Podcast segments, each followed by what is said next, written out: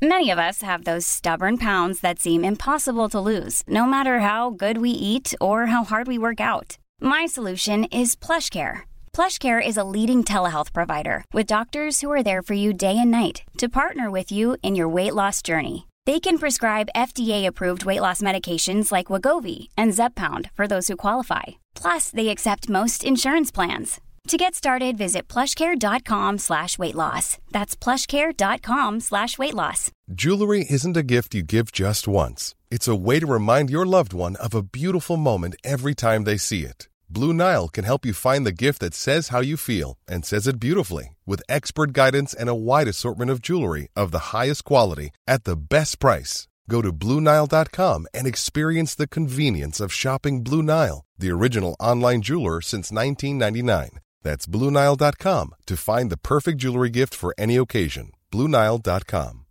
Hi, I'm Daniel, founder of Pretty Litter. Cats and cat owners deserve better than any old fashioned litter. That's why I teamed up with scientists and veterinarians to create Pretty Litter. Its innovative crystal formula has superior odor control and weighs up to 80% less than clay litter. Pretty Litter even monitors health by changing colors to help detect early signs of potential illness. It's the world's smartest kitty litter. Go to prettylitter.com and use code ACAST for 20% off your first order and a free cat toy. Terms and conditions apply. See site for details.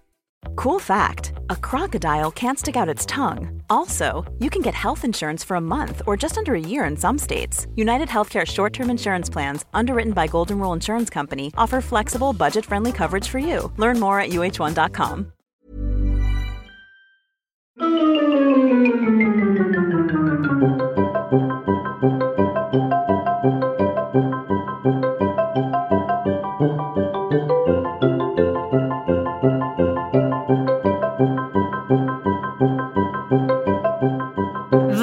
välkomna till podden Supermorsorna. Ha, nu tillbaka hos mig. Yes! Du var uppslukad av den där inga Let's Dansen. Ja, det är liksom lite svårt att inte bli det. Eh, med tanke på hur extremt mycket tid det tar. Jag var ju med i den här cirkusen då i eh, tio veckor. Kändes som två år. Ja, samtidigt som det kändes som två dagar. För att jag har liksom knappt sett annat än den där replokalen. Den här bubblan som alla pratar om. Åh, den Let's Dance-bubblan, superhärlig. Så här. Och ja, Let's Dance-bubblan var superhärlig. Men supervidrig också eftersom mina barn inte fick plats i den där bubblan. Mina hästar fick inte plats i den där bubblan. Eh, min relation fick inte plats i den där bubblan heller. Den är ju väldigt så här, egoorienterad. Jag fattar, men jag förstår inte riktigt. Foxen, när du satte igång med det där, då var han tio månader. Ja. Knappt. Ja, tio månader precis. Mm. Jag, jag förstår faktiskt inte riktigt varför du blev tillfrågad. Dels så liksom, det är ju inte deras problem att du måste pendla men du har ändå en bebis som inte kunde gå då och det där kräver, men på slutet tränar väl du typ sex timmar per dag? Ja, alltså med mina resor. Så det är ju ett varje dag arbete. Det är inte en enda dag i veckan. Under två veckor så hade jag ledigt på söndagar och då kände jag mig som att så här, jag kommer aldrig klara det här. Jag kommer aldrig klara dansen nu för att Nej. nu har jag missat en dag. Men eh, absolut, och det är det man inte riktigt tänker på. Att det är inte bara träning utan du ska också filma de här små episoderna, det här inslaget som visas. Så det, jag gör jättemycket jobb. Jag, nu känner jag mig som att jag är liksom lyxskadad här och sitter och, och liksom, eh, klagar på den här fantastiska upplevelsen som många eh, kanske skulle tycka att det var. Men eh, tillåt en kvinna göra det. För att eh, jag har en spaning på det här temat nämligen. Ja, men jag måste lägga till en grej. Mm. Som, som jag ändå, även om jag inte håller på så här, Åh, nu ska gnällkärringen komma med motvalsåsikter. Men det är ändå faktiskt helt sjukt hur det fortfarande fungerar liksom, i tv-världen och i världen i stort. Det kändes som att jag slungades tillbaka till när min farsa stod och grillade liksom, med lite tjock mage på 80-talet. Så att männen de kan vara, vara lite härliga och grilla en gång i veckan och ändå få dem, hela familjens kärlek. Jag tänkte lite när du åkte ut och den skrällen som det kallades då. Och jag dels förstår jag det men dels tyckte jag inte liksom att det var konstigt eftersom det finns då två så kallade liksom hjältar, manliga hjältar. Thomas Ravelli som de hela tiden pumpade ut då med hans 94 Bronset. Ja, Ja. så där var han redan klar. Och sen var det Dan Ekborg som, jag vet inte vem han fick sympati ifrån, men han dansade ju också som en så här gammal selopererad major typ. Men Daniel är, jag älskar honom. Jag tycker han är as, en underbar människa och skådespelare. Men tyvärr tror jag att svenska folket behöver den här eliteskomiken. Att man liksom Ja. skrattar åt någon som är sämre än vad man själv skulle vara. Det ser man ju efter, säsong efter säsong. Att det alltid ska vara liksom en clowngubbe med som ska ta luftsteg och inte kunna andas och sådär. Som man liksom röstar vidare vecka efter vecka trots att de själva är såhär, jag vill bara hem nu, jag orkar inte. Och de får så här dåliga poäng och dåliga poäng och dåliga poäng. Och det är liksom, ja, det här lite lyteskomiken. Så det tycker jag inte är ett dugg förvånande. Och att jag själv åkte hem, jag tycker inte heller det är förvånande. För det är så här, fastän jag är inte så folkligt förankrad hos människor. Och, eh, alltså, det är som ett litet lotteri på något sätt. Beroende på vad det är som fäster för veckan. Och, Ja, ja, det, det är verkligen, det var lite som när Tiger Woods nu vann sin Masters och så tittade de tillbaka på klipp från ett år tillbaka där hela golfeliten satt och bara I think he should retire now. He will never get a master again. He should retire to that old fart. Och så fick liksom fick stackars Tiger sitta och titta på alla de här klippen. Eh, men jag vet inte. Men vi tänker ändå liksom att Åsa-Nisse är en av våra största klenoder i Sverige. Då är det inget konstigt. Det kanske bara är lite gulligt att vi har ett behov av såna här. Åsa-Nisse-typer. Ja. Men vad är Åsa-Nisse-kvinnorna? Är det jag då? Nej, det finns liksom ingen plats för Åsa-Nisse-kvinnorna. Jag, jag försökte faktiskt tänka på det. Har vi någonsin sett en så här äldre kvinna som tar luftsteg i Let's Dance som får vara kvar? Nej, det är det jag menar, De för ut Ekland var ju med. studs, Liksom. Och Carolina Gynning, men inte är tanta Lora, men, men de brydde sig inte heller så himla mycket om eller de hade annat för sig. Mm. Och de åkte ju som ett lönebesked på fredagen? Ja. Men en annan grej som jag blev så förvånad också. Blondinbella åkte ut först av alla. Just den säsongen det. hon var med. Trots att hon hade liksom flera hundratusen bloggläsare och så vidare. Så det är lite ett lotteri. Man vet aldrig riktigt vad som går igenom och vad som inte gör. Och så här. Men som sagt, för att gå in i spaningen. Jag hade ju som, som sagt en tio månaders bebis som jag hade varit hemma med i stort sett på heltid. Eh, Och så klev jag in i den här Let's Dance-bubblan. Och det eh, får mig att tänka väldigt mycket på att det är oftast då folk eh, byter, alltså, byter av varandra i föräldraledigheten. Det är en helt normal grej. att så Tio här- månaders. ja. Över tio Ja. månader. Man kanske Ja. har 13-14 månader med stash. Och sen så ska då mannen eller pappan i fråga. Det brukar vara en så vanlig tid att byta. Och det är så jävla värdelöst. Aha. För att det är liksom när de är åtta månader då har de ju den värsta av dem, mellan åtta och tio månader, en superseparationsångest. Plus att de oftast får liksom tänder. Så då när de precis har kommit på att de typ inte är en del av sin morsa utan att man kan försvinna, att de är en egen figur och de är ensamma i världen och alltihopa. Då ska de så här byta då vårdnadshavare mitt i det och, och börja spendera sina dagar med då, ja självklart pappan är väl där men liksom, förstår du vad jag menar? Inte på samma sätt. Med en för dem då så här, helt ny person faktiskt. Det är slu, ska ofta slutas ammas på, liksom, från att ha så här fem gånger om dagen så ska man bara få göra det en liten kvällssnuttis. Liksom. Det är, Det är en hårt. dålig tid. Det är liksom, vi tycker att så här, vi har en jättegenerös föräldraförsäkring. Den är jättebra. Eh, det är bättre än i alla andra länder. Men sen är det mycket mer än som är jävligt värdelöst. Och också på bekostnad av barnen. Att de har gjort den här reservationen för pappamånaderna. Åh, kom igen. Jag, alltså, där blir jag nästan kristdemokrat på kuppen eller typ något annat. För att jag bara tycker att det är så här, ja jämställdhet i all ära men så här, på bekostnad av barnen. Alltså jag tycker att det är, kan man inte få bestämma det där själv. Ah, jag håller inte riktigt med dig där. Men det är för att vi har, nu har du samma man till dina liksom, tre sista. Jag, ja, Du var tvungen att tänka Jag bara, ska jag säga. fan, det känns väldigt otippat. Jo det, det stämmer. Det känns otippat. Du tänkte att du skulle haft fler män. Nej, jag jag skulle ha färre. Jag, bara, nej. jag tror att så här, vi kan inte riktigt, eh, vi är inte representativa för Nej, folket. vi håller liksom, käften. ja, vi får fan hålla käften. Men det som gjorde mig, så att säga, det som det liknade för mig, det var just det här att kliva in och åka in de här sex, sju timmarna om dagen. Dels jag bara känner jag så här, jävlar vilket bra yrke vi har valt för att eh, ha bebisar Mm. och barn och småbarn. Vi är frilansjournalister, vi kan liksom, vi kan pussla, vi kan vara halvdagar, De kan vara vi kan, de med. kan vara med och så vidare. Men det här att man så här, från morgon till kväll ska sitta på en arbetsplats där de inte har en del. Det vill säga de är inte i den här bubblan där vi har ett yrke. Det är så deppigt så jag Åh oh, gud vad hemskt. Alltså det, det var beklämmande deppigt Kan måste jag säga. berätta Min erfarenhet ja, men- av det vanliga livet. Ja men det är ändå så, det är så typiskt, jag tror alla har varit med om det, alla föräldrar, att man kommer hem och så har man missat någonting och så kanske på dagen efter tyckte man inte att det var hela världen men just då är det som att någon har tagit ifrån en liksom allt som var viktigt Mm. någonsin.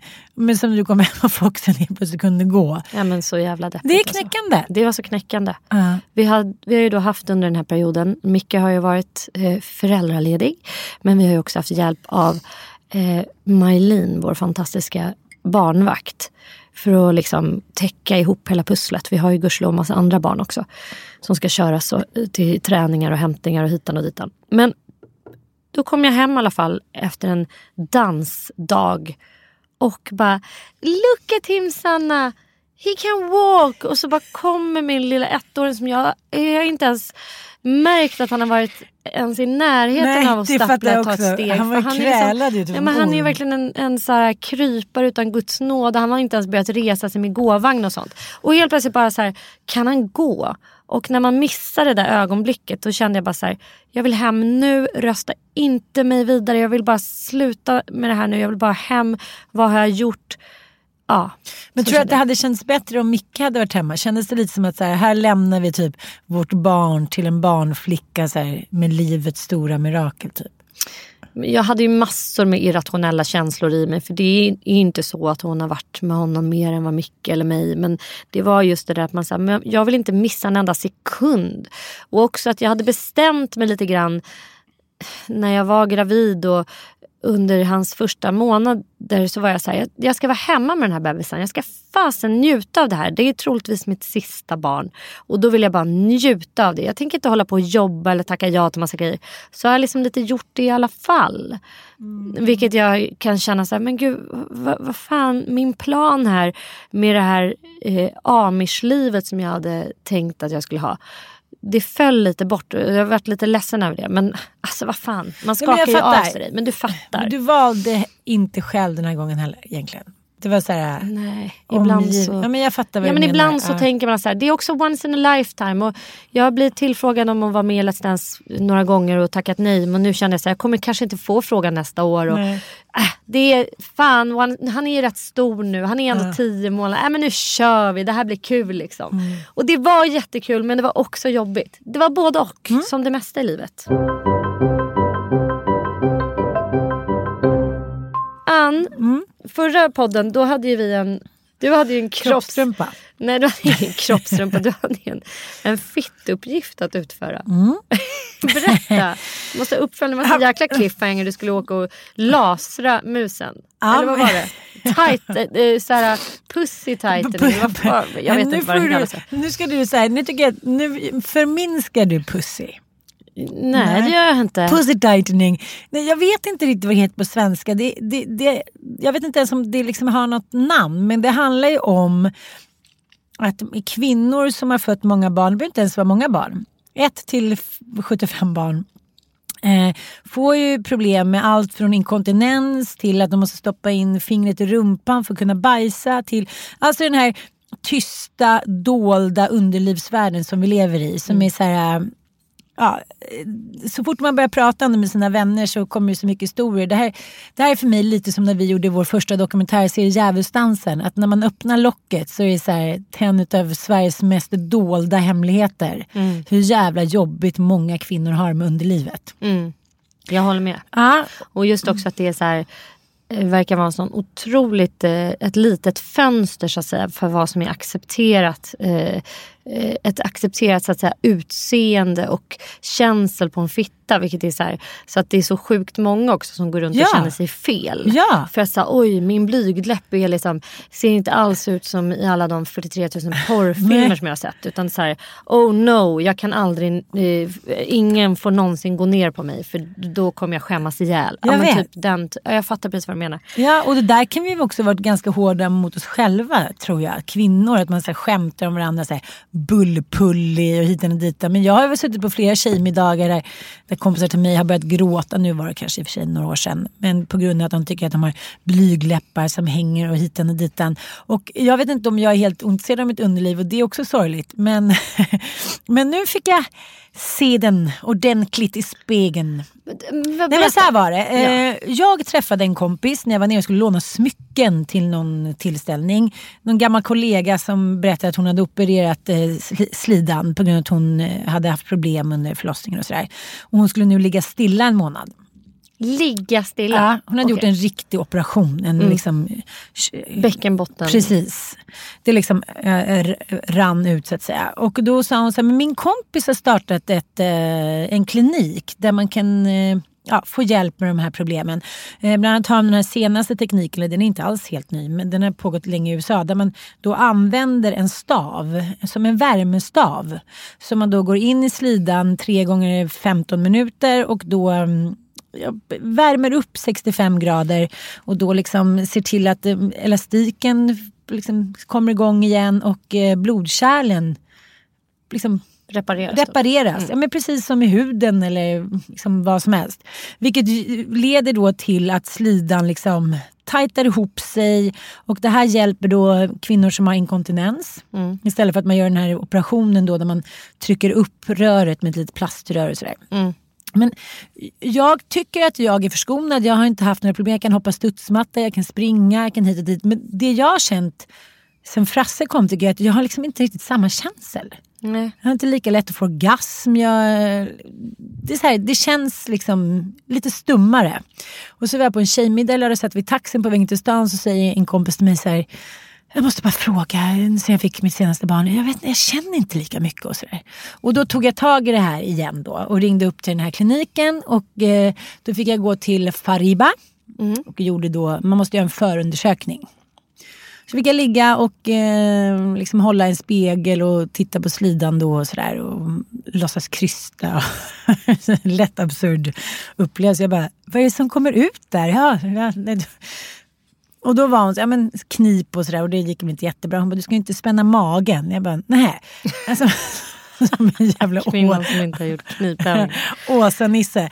Men hon sa det så här, du vet, hon tittade på mig med så segerviss blick. Så hon så här, du vet som bara så här, fantastiska kvinnor från länder där kvinnor känns lite starkare. Mm. Hon tittade på mig så supervacker. Så bara, så hon sa, där kommer det bli bra. Det här kommer bli riktigt bra. Så nu då den 29 mm. så kommer då min första behandling ske. Med den här då värmestaven. Jag ska säga att det är många kvinns ja. i min vänskapskrets som är beredda. Som är väldigt intresserade. Ja men det är så, hur kul är det som är många kompisar som, som man springer eller man hostar så bara kommer det kiss i trosan. Ska man gå omkring med trosskydd då resten av livet och känna sig som en jävla kisshund? Mm. Nej jag vet inte, jag är väldigt spänd inför det här. Det här är ju fantastiskt. Och vi kommer få följa med på den här resan i podden ja, Supermorsorna. Får vi följa med på Anns Jag kommer filma resa. Nej, det ska vi inte göra. Jag, jag har liksom fått uppfattningen att de flesta såna här fit fixningar handlar om att man vill göra det för att liksom, åh det är så pinsamt för dem jag ligger med. Alltså de måste ju få då ett representabelt kön att titta, slicka eller knulla med. Jaha. Men det här är mycket mer att säga, gud jag vill faktiskt känna någonting. Ja. Eh, att man gör det lite mer för sin egen skull. Jag ja. menar inte att det andra skulle vara sämre men jag tycker bara att det är så här, det, det, är sorgligt att man så att säga så här, att det handlar mest om en utseendefråga eh, för många som är unga i alla fall. Det, någon kompis till mig, hennes lilla syrras polare bara anus bleach, vad fan är ens det? Att man bleker sitt alltså, Vem ska in där och titta? Ja, men, så här, som att man liksom, vad är grejen? Det är väl mörkt när man Ja, det kanske inte behöver vara men ändå så här, någon jävla måtta får det väl vara. Ja, men jag tänker liksom, också Jag tror inte att det är hälsosamt att hålla på med så här blekkrämer. Men vem bryr sig? Har du någonsin kollat in i någons nej, anus? Men, nej, Har du planer här... på att göra det? jag bryr mig faktiskt inte. Ah, herregud. Nej, men det, jag tänkte också när hon sa så här. Hon visade då såklart, vi tittade på anatomin och så sa hon så här Bäckenet har ju såklart blivit större vilket gör att det blir bredare eftersom det har kommit ut fem barn där. Mm. Så att du kan ju knipa liksom, om nu visar jag så med fingrarna som att jag gör en klappa. Mm. Som man säger inom tv-branschen. Att liksom, där kan man ju knipa geisha-knipet som det kallas för. Men det går liksom inte att Från andra hållet? Nej. Nej. Nej. och då har jag många kompisar som är så här, men jag, min man säger att när jag kniper sådär då, då känner han det. Vadå, ska man ligga och så knipa hela tiden för att så här, Noppedoni ska känna lite så här puffar? Motstånd. Ja, kan man inte bara få slappna av för en liten stund? Ja, fortsättning följer. Nu ska du gå in på din första Hollywood-spaning Sanna. Rubriken Hollywood. det här är så jävla otippat för att vara mig. Att jag liksom så här, Ja. tagit patent på den här Hollywood-spaningen. Men jag njuter ju faktiskt av Hollywood-skvaller. Jag älskar ju såna här uh, The People och såna här Hollywood Jag med. snask eller snasktidningar. Men nu den stora då Hollywood-skvallret som är på gång. Vilket jag fick en så känsla att ja, det, här skulle, det här är ju faktiskt också ett, en fråga om i Stockholms innerstadskretsar där väldigt mycket rikt folk ligger. Felicity Hoffman, Aha. det vet hon. Väldigt känd Mm. Från Huset fullt? Nej inte Huset fullt men hon var väl med i, eh, gud vad heter de, eh, Desperate Housewives. Just. Där har vi henne. Ja. Mycket känd. Och sen spelade hon ju, hon spelade ju transsexuell eh, man också. I en, hon vann en Oscar för eh, sin rollprestation i den filmen som jag nu inte har namnet på. Men där, ja, hon är alltså en Oscarsvinnande superkänd amerikansk skådespelerska som nu också är känd för en stor mutskandal. Eh, det går alltså till så att i USA så är de flesta skolor och högskolor, framförallt universitet, de är inte statligt drivna utan de drivs av liksom privata stiftelser eller företag. Och då har hon tillsammans med några andra Hollywoodkändisar som inte är så, jag behöver inte ens namedroppa dem för jag visste inte vilka de var. Men Hon de Huset har fullt har också varit med. Ja, huset, hon i huset fullt har varit med också. De har alltså betalt hutlösa summor. Vi snackar så här 5 miljoner dollar eh, eller 150 000 kronor till olika stiftelser för att få in sina barn på olika väldigt då så här Har- välrenommerade Eton. högskolor. Eh, typ University of Southern California är, är en av de högskolorna. som- Harvard, en utav dem. Mm. Och det här är ju så sjukt ju.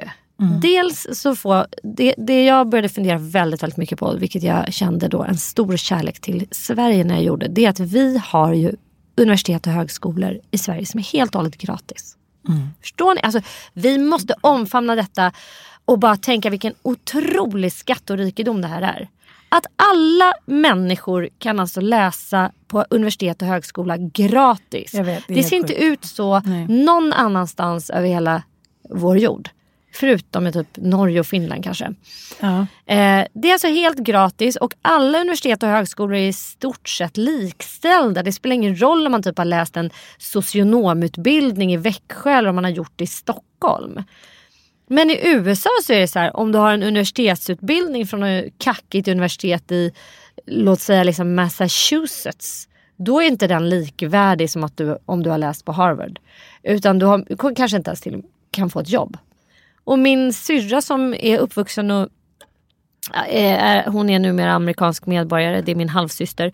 Hennes liksom högskoleutbildning kostar så här 100 000 terminen. Alltså det är så sjuka pengar. Men grejen är att liksom, nu är den här Huffman då som faktiskt blev hämtad av FBI sju på morgonen. Och jag kan bara tänka mig när hon ligger där i sängen och så knackar jag på dörren som att hon någonsin trodde att hon skulle åka dit. Nej, hon har varit så nöjd. Det är så här, vad är det att hålla på och undersöka? överklassen och rikas moral, de, så här, de stannar inte för rött. De, liksom, de låter bilen stå på när de ska lämna sina dagisbarn hit och dit. Det är liksom, med rikedom, rikedom kommer också per automatik ett liksom moraliskt förfall. Så är det ju bara.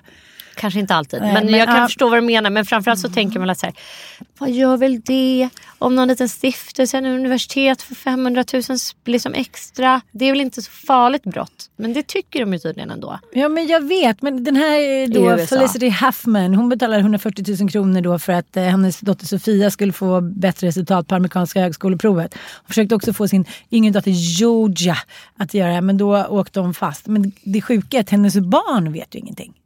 De visste ingenting, utan det har ändrats efteråt då säger de. Men hon har i alla fall gått ut och gjort en så offentlig Ja. avbön. Mycket snyggt. Vi måste lyssna lite vad hon säger. Huffman is among 50 people charged in what the Justice Department has called the biggest college admissions scam ever prosecuted, and the investigation is ongoing. The actress released a statement saying, quote, I am in full acceptance of my guilt and with deep regret and shame over what I have done. I accept full responsibility for my actions and will accept the consequences that stem from those actions. Joining me now is Mm, NBC's det var i alla fall det smaskigaste som har hänt från Hollywood. Att en helskottas massa då, välbetalda aktriser har 33 mutat sig in. stycken föräldrar. 33 stycken. Det är stor härva. FBI har varit inblandade. Ja men det är smaskigt på något sätt. Jag gillar det. Jag tycker det är så här, otroligt så här, smaskigt. Och eh, han då William Singer som så, beskrivs som hjärnan då bakom hela, alla bedrägerier. Men liksom, det är så sjukt också. Han har då mutat idrottslärare på skolan för att barnen då skulle kunna registreras som idrottstalanger. Jaha. Mm. och den här, För det är, nu ska vi säga, ett, ett Ja. känt sätt för eh, människor som inte är så bemedlade eller som inte har så himla höga betyg, så att med genier, att de då kan komma in på högskolor via idrottsstipendier. Att du Mm. till exempel är svinduktig på basket så vill en högskola ha dig i sitt basketlag. Men du, eh, jag men det är roligt ändå att, att hon försökte få in sina barn som i roddlaget men de hade aldrig rott. Aldrig ro- Nej, men det, men det, det är det att man kan, om man har någon så här, liten omskri, typ friidrott är inte så stort i USA. Och därför Nej. så är det så, här, om du typ är så här sjukampare eller asduktig, så här, sve- om du är svensk idrottare så kan du få stipendien och gå på amerikanskt universitet. Det ser vi ju runt omkring oss bland många friidrottare att de har gjort. Ja. Din Hollywood-besatthet har ju också smittat av sig lite på mig. Mm, men Ja. stopp, nu, jag vill bara, jag ska dra den här eh, spaningen till Sverige. Därför att vi har ju numera inte bara Carlssons skola i, i Stockholm som ju anses vara en väldigt liksom då eftertraktad skola. Det är väldigt, väldigt svårt att få plats till sin unge där trots att man hostar upp pengar. Det är det, såna menar. Det är ju lite, ja, men det är lite Men nu samma har vi en ny metod. sån skola. Manilla ute på Djurgården. Där kronprinsessans unge går.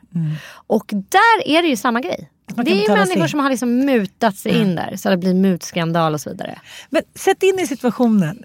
Jag måste erkänna en liten grej. Vaha? När man så desperat vill att ens barn ska liksom lyckas. Jag tänker min äldsta son, så var det väldigt nära att han inte fick godkänt betyg i gympa. Mm.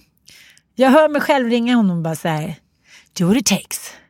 Du går upp till gympaläraren och du, eh, you do what it takes. Du vimlar med ögonen och så, här, och så får du godkänt.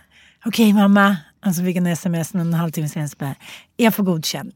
Jag kan ändå förstå som mamma den desperata så här, amerikanska om du säger så, känslan av att så här, okej skillnaden på att mitt barn ska så här, om man hamnar okej.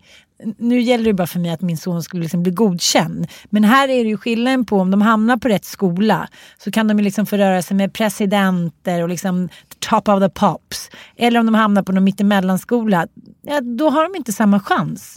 Kan du inte liksom identifiera lite känslan? Därför att vi ska muta kanske inte sker, men jag kan ändå förstå, kan ändå förstå att man som förälder så kan trampa i klaveret för sina barns skull.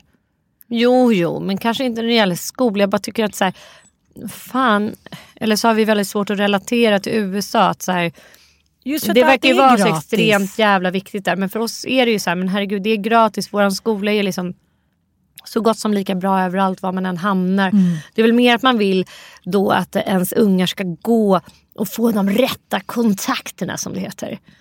Men då känner jag bara Ja. så här, gud det är lite korkat för att så här, det finns ju skolor, våra barn går ju i en skola på Södermalm där så här, kulturelitens ungar går. Mm. Men det är ingen som står i kö för att pressa in sina ungar där. Förstår du vad jag menar? Gardell och Mark. Stellan Skarsgård. Ställ er i kö. Ni kan, ni kan muta oss.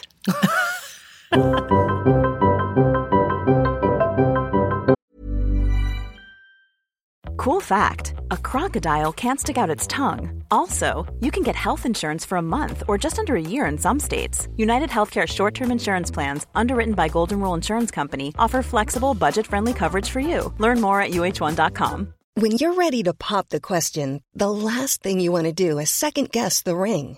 At Bluenile.com, you can design a one of a kind ring with the ease and convenience of shopping online. Choose your diamond and setting. When you find the one, you'll get it delivered right to your door. Go to Bluenile.com and use promo code LISTEN to get $50 off your purchase of $500 or more. That's code LISTEN at Bluenile.com for $50 off your purchase. Bluenile.com code LISTEN. There's never been a faster or easier way to start your weight loss journey than with PlushCare. PlushCare accepts most insurance plans and gives you online access to board-certified physicians who can prescribe FDA-approved weight loss medications like Wigovi and Zepbound for those who qualify. Take charge of your health and speak with a board-certified physician about a weight loss plan that's right for you. Get started today at plushcare.com slash weight loss. That's plushcare.com slash weight loss. plushcare.com slash weight loss. Quality sleep is essential. That's why the Sleep Number Smart Bed is designed for your ever-evolving sleep needs. Need a bed that's firmer or softer on either side? Helps you sleep at a comfortable temperature? Sleep Number Smart Beds let you individualize your comfort so you sleep better together. JD Power ranks Sleep Number number 1 in customer satisfaction with mattresses purchased in-store. And now, save 50% on the Sleep Number limited edition Smart Bed for a limited time. For JD Power 2023 award information, visit jdpower.com/awards. Only at a Sleep Number store or sleepnumber.com. Ann, vi måste ju också få med i den här podden. Vi hade ju en specialavsnitt förra veckan. Och det väckte ju sjukt mycket hos dig. Alltså jag tycker att du var under de två sista veckorna, jag tror jag nästan aldrig har sett dig så, så berörd och tyngd eller drabbad eller vad jag ska säga. Och eh, jag blev så himla, vad ska jag säga, också berörd över att det här att det har funnits i ditt liv så till den milda grad att du har påverkat så jäkla mycket. Men kan inte du berätta, det hände ju någonting efter att vi hade varit och poddat. Eh, ja, men det var ju så här att mitt ex då, som jag levde med för, oh gud, det är över 20 år sedan. Vi hade ju en väldigt, eh, vi och vi, han hade ju en turbulent relation med mig. Mm. Eh, som handlar då om, som det gör för de flesta män och kvinnor som har problem med svartsjuka och eh, ja, som då misshandlar fysiskt och psykiskt är ju den dåliga självkänslan. Som man inte tar ansvar för. Och den kan ju uppkomma ur lite vad fan som helst. Liksom. Uppväxt eller förebilder eller bara att man själv liksom... I det här fallet tror jag att mycket handlade om eh, att hans mamma hade satt honom på en hög piedestal. Så vad han än gjorde så var han perfekt.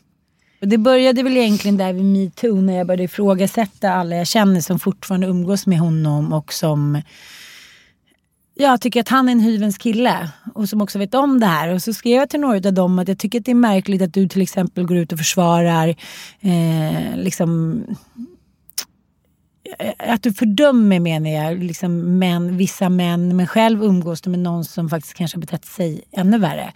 Så bara radade jag upp allting. Mest för ett, liksom ett vittnesmål inför mig själv vad han hade gjort. Och då skulle liksom de som jag skrev till var så här, jag förstod inte att det var så turbulent och hit och dit. Och det är ofta så jag förstod inte att det var så illa. Men jag vet att de vet. Liksom. Mm. Och då när jag läste det jag hade skrivit så blev det som att det också själv liksom drabbade mig så jävla hårt. Att det, jag kände mig inte känner mig inte som ett offer. Jag vill inte ta på mig en offerroll eller skylla på någon. Jag hade en fri vilja att gå. Men det som du också pratade om och som jag frågade Olga, så här, i vilket skick ska man vara i för att fråntas ansvar? Mm. Och eh, det går ju också väldigt snabbt när man är en svag person. Och det är väldigt sällan som en liksom, människa kommer åt en annan som är på en stark och stabil och trygg plats i livet. Utan det är ofta liksom att eh, psykopater, nu säger jag inte att just han var det, det vet jag ingenting om. Men, men liknande, att man så här, man nosar upp dem. För att det är tacksamt. Det är lättare att utöva sin makt mot svagare människor. Liksom. Och sen när de här människorna blir då starkare så eh, då, då är det inte lika intressant längre. För då vill man dupera det här och eh, stävja det på något sätt. Liksom. Ah, det är bara att läsa vilken historia som Det finns tusentals historier och vittnesmål. Men, men min liksom, copy-paste är lite Josefin Nilsson, men att det kanske då att jag tog mig ur det utan liksom, inte i offentlighetens klor så att säga. Men mycket när jag läste vad hon... Och du anmälde ju inte. Nej. Och det var aldrig någon rättegång eller någonting. Nej. Nej. Utan så som det var var att min dåvarande chef, en kvinnlig chef, sa så här till mig eh, att du, om inte du slänger ut honom så blir du av med jobbet. Vilket är så här, man kan tycka på så här, gud vad bra att hon gjorde något. Men samtidigt helt absurt. Att så här, du ska vara ansvarig för att Mm. avsluta den här relationen trots att du är så nedbruten och mår så dåligt. Liksom. Mm. Eh, med hot om att förlora jobbet. Typ som att du eh, Att det var, hade det var någon vinst jag. av att vara med honom överhuvudtaget. Det var ändå du som fick liksom, ja jag vet inte. Eh, det- det funkade ju uppenbarligen eftersom du gjorde det. Mm. Men jag kan tycka att lite hårt av henne kanske. Jag tror liksom, det här är ändå 20 år sedan. Det var så här, han slog ju också mig liksom ute på Spybar och Rish och liksom drog mig i håret och drog mig liksom genom hela Vasaparken medan en taxichaufför satt och väntade. Det fanns ju ändå så många vittnen till det här. Och sen var det ju liksom såklart mycket som skedde i, eh, liksom, i hemmets fördolda också. Så där. Men eh, hur som helst så hörde han av sig och eh, då kände Nu alltså, Mm. efter den här dokumentären. Varför Precis. gjorde han det? Eh, enligt honom själv då så fick han svår ångest. Av att se Kä- själv ja, dokumentären. och bara kände att nu måste jag ta tag i det.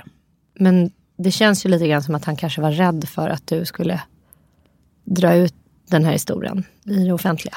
Men jag Kan tror det finnas också, några sådana motiv? Men i en tråd på Camilla Läckbergs Instagram så var det någon som frågade så här, är det här den här killen vars företag börjar på la la la? Mhm. Då svarade jag ja. Då sa hon så här, men gud jag vet precis. Jag kände alltid det på mig. Och sen så skickade hon ett DM till mig. Mm. Men sen var det inget mer med det. Så jag vet inte, det är väl som det alltid är. En blandning av att man liksom gör en quick fix och syndernas förlåtelse och liksom att man är rädd och verkligen mår dåligt. Och jag betvivlar inte att det var liksom en ärlig uppsåt och att han verkligen mådde dåligt. Men dels handlar det om att, eh, att det sättet han hör av sig på. Så, men kan du inte bara svara då? Så här, ge mig två minuter. Jag var så här, men gud, efter 20 år hör Han av dig. hetsade ju dig. Ja, Jag, jag var ju med under Ja. liksom hela hans hetseri Ja. Att liksom han mår så dåligt så då måste du hjälpa honom att lindra sitt dåliga samvete Mm. för någonting som hände för 20 år sedan som han inte har tagit ansvar för överhuvudtaget. Jag, jag, jag måste säga utifrån sett så bara kände så här Sluta lämna henne i fred. Så här, Mm. Vill du göra go- gottgörelse så måste du liksom ta hänsyn till den person som du vill gottgöra. Mm. men han vill det- ju uppenbarligen gottgöra sig själv. Ja, det är väl klart. Mm. Eller han vet kanske inte hur man gör, men till slut så träffades vi så här, också precis innan jag skulle på ett möte, också så jävla idiotiskt. Och satt där på en liten parkbänk och han var ledsen och jag var ledsen. Och sen när jag gick därifrån så kände jag ändå så här, men nu var det ändå mitt fel. Det var ändå det som han uttryckte så att jag var way over his League. Och då tänkte jag så här, men grejen är att man sitter där, man känner sig liksom tillbakaslungad i någonting. Man är inte så stark som man hade önskat även om man liksom är stark. Men, men just det här att man ändå går därifrån med att acceptera att han säger en sån grej. Jag skulle bara sagt, men vadå? Alltså alla människor som säger att någon är way over the... Som att du och jag skulle vara med i Let's Dance och du säger var bättre än jag på att dansa. Skulle jag säga piska dig, så här, slå dig då eller terra dig för att du var way over my Du var league? så himla bra så att jag var tvungen att slå dig. Ja, det är lite det han säger. Så jag har gått omkring och känt så här, och han har varit på, ska jag hjälpa till, försöka hitta någon terapeut? Han ville då gå i terapi med mig. 20 år senare så ville han gå i terapi. Och då sa jag så här, men, men eh, jag, jag kan inte göra det om inte du berättar för din fru. Och då sa han så här, men jag tänker att vi kan gå några gånger och så berättar jag sen om hon blir arg. Så då är det ändå, hur det än blir så är det han som ska ställa villkoren. Så då skrev jag till Sveriges bästa eh, psykolog inom liksom eh, på det här temat. Ja, för jag tänkte så här, jag måste fråga världens bästa. Dels så pratade jag med Niklas Krigsman. som själv har misshandlat, suttit i fängelse för det och eh, bland annat pratat om det i Bobo Krulls podd. Han var så här, nej men nu är shady. Vadå, han ska inte säga någonting. Nej, nej det där han tyckte, det kändes inte bra. Och så där, utan liksom, nu kommer man, det måste vara ärligt uppsåt. Man måste göra sin läxa. Liksom. Man måste så här, offra någonting själv. Och så skrev jag till då den här tjejen som heter Josefin Grände. Som är en av Sveriges främsta terapeuter med just Precis. fokus på våld i nära relationer. Ja, hon har skrivit böcker och hon har liksom varit expert åt regeringen. Hon är grym. Så jag tänkte, liksom, jag ringer, eller jag mejlar best of the best. Och så skrev jag bara så här, min tveksamhet att det inte kändes bra i magen. Och hon har ju fullt liksom ett år fram så jag visste att hon inte skulle ha någon tid. Jag sa bara, Ja, jag skrev att jag är rädd att skulden ska läggas på mig och att liksom vi inte ska komma till någon terapeut som är expert på det här utan bara liksom svarar, inte random, men utifrån deras liksom expertis. Och då svarade hon jättelångt. Mm. Och hon svarade just det där. Jag vill bara säga att om jag hade haft tid skulle jag ha varit väldigt mån om att träffa dig själv flera gånger innan. Jag ska vara ärlig med dig. Det troliga är att jag skulle varit väldigt tveksam till att genomföra de här gemensamma samtalen. Du skriver själv att du är tveksam, det är en känsla som du ska ta på allvar. Med full respekt för att jag inte vet något om er relation eller ex så skriver att han har utsatt dig för psykiskt och fysiskt våld. Han har insett att han har gjort fel och vill genomföra ett försoningsarbete. Och då säger hon så här, det är lätt att, att jag då hamnar i en position att jag känner något slags ansvar för att bidra eller hamna i en föreställning om att det är alltid klokt och bra arbete mot försoning. Men det är som hon säger, så har man skadat en annan så krävs det så mycket för att försoning ska vara möjligt. Liksom. Och framförallt måste det ske på den våldutsattes villkor och grundas hennes behov. Och att jag inte har något ansvar för hans arbete med sig själv. Och att det liksom snarare skälper än hjälper för honom om premisserna inte är tydligare. Liksom. Och våldsutövande handlar om att se till sina egna kortsiktiga behov. Detta måste handla om det motsatta. Och så skriver hon det. Det här är oftast liksom en jävligt djupgående problematik som hänger ihop med svårigheter att mentalisera kring andra. Liksom att man inte kan, det är svårt att ta in andras känslor och behov. Mm. Och det betyder inte att man inte känner väldigt stark skuld, skam eller förtvivlan. Men den kommer då ofta handla om en själv. Mm, precis som det verkar ha gjort för honom. Där. Ja, att han inte kan så här, tänka så här, vad, vad tror jag att hon behöver i den här situationen för att komma vidare kan, kan hon behöva någonting från mig? Utan så här, jag behöver det här, jag känner mm. skuld, jag behöver få gå i terapi, jag behöver mm. prata om det här. Mm. mm. Extremt narcissistiskt. Extremt. Och sen så skriver hon så här, om jag skulle tagit emot det skulle jag, nej om jag skulle kunna ta emot mig skulle jag i våra inledande samtal ha undersökt följande och så skriver hon då. Eh, om mitt liv skulle bli bättre om jag gjorde det här. Eh, nu är det han som har tagit kontakt och finns det återigen en risk att det ska handla om hans behov och vad betyder försoning för dig och vad som krävs och bla bla. Men sen så skriver hon någonting som drabbade mig så otroligt hårt. Mm. Men det är så jobbigt där att man inte liksom att man så många år har gått och tänkt på det här så har man inte tänkt på det som, som är så uppenbart. Så skriver hon så här. Har en insikt om att hans våldsutövande har drabbat fler än dig. Jag har varit med om liknande förfrågningar mannen i de starka känslorna insikterna kanaliserat allt detta till en relation. Så ser aldrig verkligheten ut. Hans våld har drabbat andra. Risken om han kanaliserar för mycket just till dig är då att det blir relationen, inte våldet som glider in i fokus i terapirummet. Det blir inte bra för den som har drabbats av våld. Mm. Och det räcker inte att han har fått insikt. Då är risken stor att du får sitta och ta hand om hans känslor och behov igen utan att han faktiskt har gjort det egna arbetet och då blir det inte försoning. Och då kände jag bara så här, det är det som är så himla sorgligt med allting sånt här. Kvinnor som drabbas och män också som drabbas av saker liksom, i sin ungdom eller i sin barndom. Det, här, det drabbar inte bara den personen, det drabbar liksom människor runt omkring i så många år, kanske i generationer. Det, liksom, det gör så ont tycker jag. Mm. Det är så fruktansvärt. Och det är också så här, som hon säger, att så här, Gud, gå i terapi själv. Han, han får väl ta hand om sin oförmåga att lösa och hantera eh, sina känslomässiga tillkortakommanden. Det är liksom inte någon annan persons problem. Det är inte er relation det var fel på. Jag hör ofta män säga det. Så här. Det är vår relation. Bara, mm. Nej, det finns ingen jävla så här, tredje person här, en relation. Utan Det är du och det är jag. Och Du har mm. dina problem och jag har mina problem. Så här. Om du har problem med våld, att du blir våldsam, då är det du som ska ta tag i det. Ingen annan. Det är ingen annan som väcker det där våldet i dig mm. eller som, som gör att du liksom slår någon. Mm. Det är liksom, ja för fan. Eh, och som sagt så här, det är inte bara drabbat dig. Det, det, det, han vill ju få dig till att tro att du var någon som lockade fram det där hos mm. honom. Men sen, det, det, är bara bullshit. Det är klart att det har funnits där alltid. Eller att det finns där fortfarande. Och att det är väldigt många fler som har kommit i hans väg som har drabbats av det. Inte bara du. Nej, jag tänker också att här, precis som någon sa, det är som att vara en nykter alkoholist. Det ligger och lurar runt hörnet liksom. Mm. Och jag träffade en, en tjej igår som jag satt och pratade med länge och hon eh, kom eh, liksom eh, som 12-åring, eller nej, som 8-åring till Sverige och då hennes styrpappa våldförde sig på henne när hon var 12 år. Mm. Och hennes mamma kom in i rummet och bara säger Nej, det är inte din dotter liksom. Och sen så sa hon då till sin dotter så du får bestämma om vi ska gå. Mm. Och det här tycker jag är så otroligt vanligt återkommande att så här, man ska lägga igen då liksom ansvaret på den som redan liksom är utsatt. Det är så här dubbelt straff. Man behöver ju någon som bara tar en i hampan och så vi ska, jag ska ta dig härifrån. Ja, och liksom fortfarande, och hon sa en sak också. Hon sa så här, jag kan, jag kan ta hand om min mamma, jag kan hjälpa henne, hjälpa henne att flytta och se till att hon har pengar hit och dit. Men så här, den dagen stängdes liksom dörren till mitt hjärta. Mm. Och det där tycker jag också är läskigt att vara förälder. Att man känner så här, wow, ett liksom ödesdigert misstag och så här, barnen har stängt igen dörren till sitt hjärta. det är så, ja, jävla sjukt. Visst är det läskigt? Mm. Så man, man, måste ändå ta det på allvar.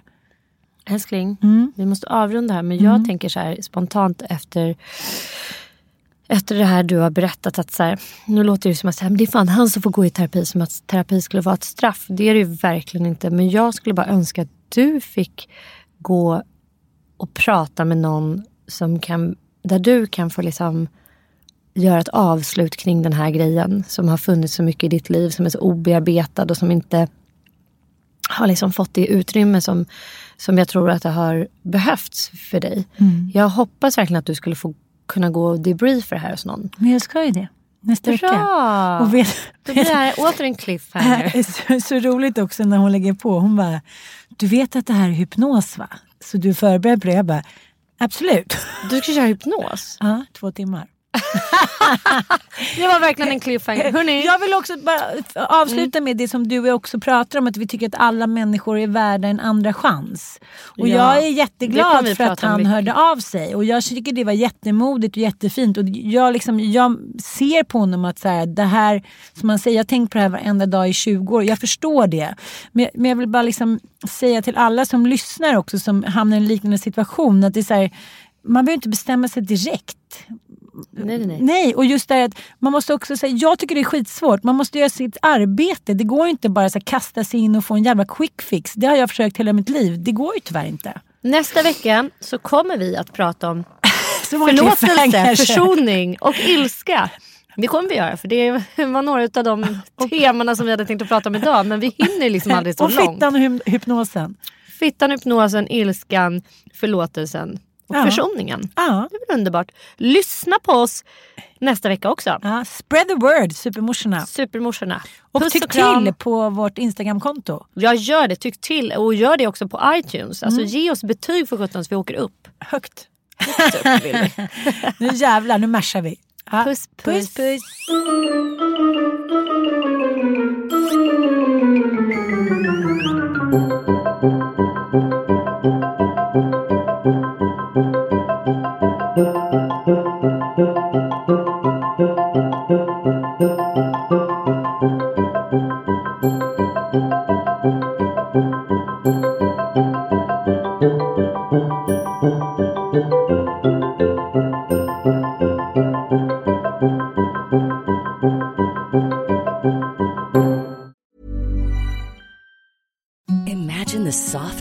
You've ever felt. Now imagine them getting even softer over time. That's what you'll feel with Bowl and Branch's organic cotton sheets. In a recent customer survey, 96% replied that Bowl and Branch sheets get softer with every wash. Start getting your best night's sleep in these sheets that get softer and softer for years to come. Try their sheets with a 30-night guarantee. Plus, get 15% off your first order at bowlandbranch.com. Code BUTTERY. Exclusions apply. See site for details. Imagine the softest sheets you've ever felt. Now imagine them getting even softer over time. That's what you'll feel with Bowl and Branch's organic cotton sheets. In a recent customer survey, 96% replied that Bowl and Branch sheets get softer with every wash. Start getting your best night's sleep in these sheets that get softer and softer for years to come. Try their sheets with a 30-night guarantee. Plus, get 15% off your first order at bowlandbranch.com. Code BUTTERY. Exclusions apply. See site for details. Hey, it's Paige DeSorbo from Giggly Squad. High quality fashion without the price tag. Say hello to Quince.